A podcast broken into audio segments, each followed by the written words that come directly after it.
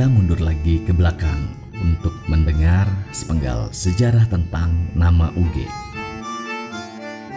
Di suatu malam, seorang pemuda alim berhasil dipaksa seluruh penghuni kosan Bodas untuk memimpin doa pada acara makan-makan syukuran wisuda salah satu penghuni kos. Makan dulu Pak Ustadz. Ajak Wawan sambil menyodorkan otak nasi pada pemuda alim itu. Ustadz, masih ngaco gini panggil Ustadz. Gak pantas, sahut pemuda alim itu.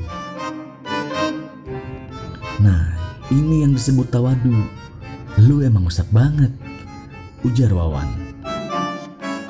Ya udah, besok-besok kalau ada acara selamatan, gantian ya, lu yang pimpin. Ancam laki-laki alim itu.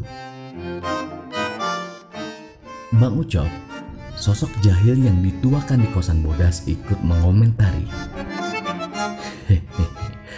Kenapa rupanya dipanggil Ustadz? Tak pede kali kau.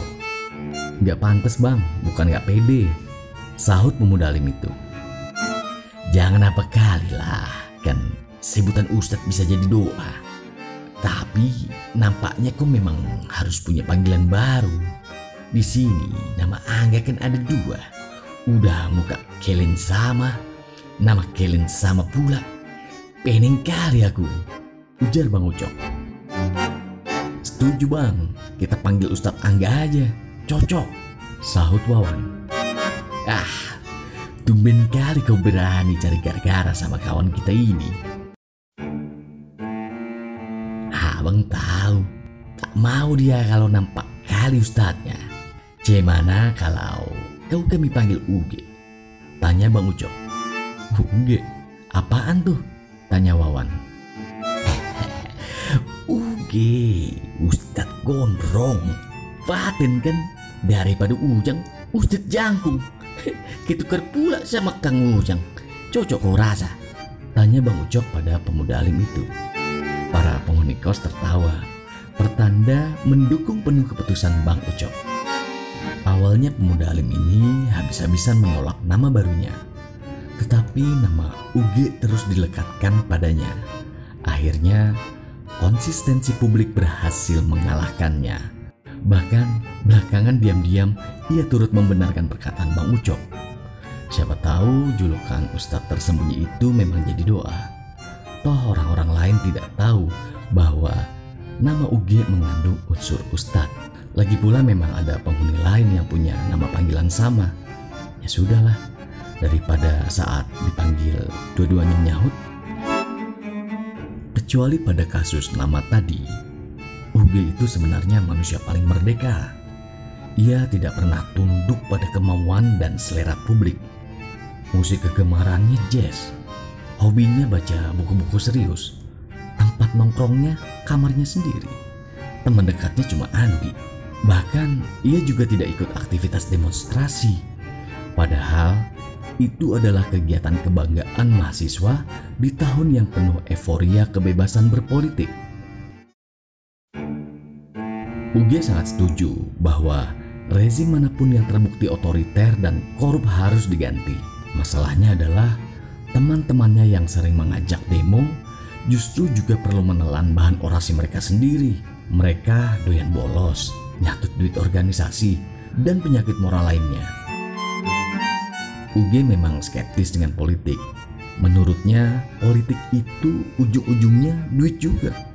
Kalau mau ngejar kekayaan pribadi dan kelompok sendiri, Gak usah pura-pura jadi malaikat yang ngejual janji mau memakmurkan orang banyak lah. Saat masih ngemis suara baik banget.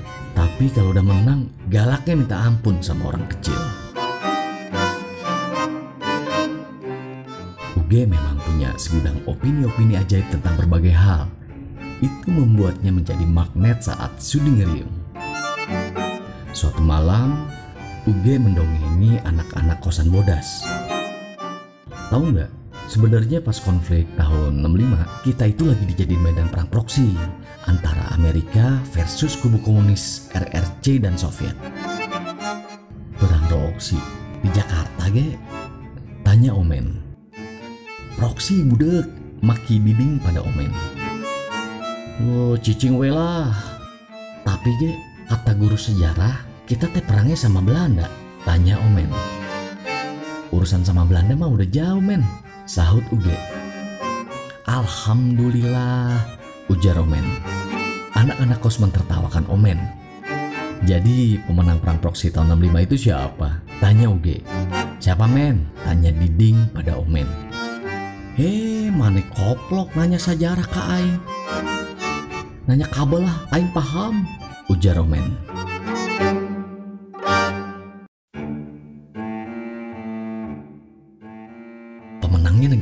Gunung emas kita itu. Intinya, konflik di negara lemah cuman soal cari tuan dari negeri sendiri yang mewakili negara besar di belakangnya.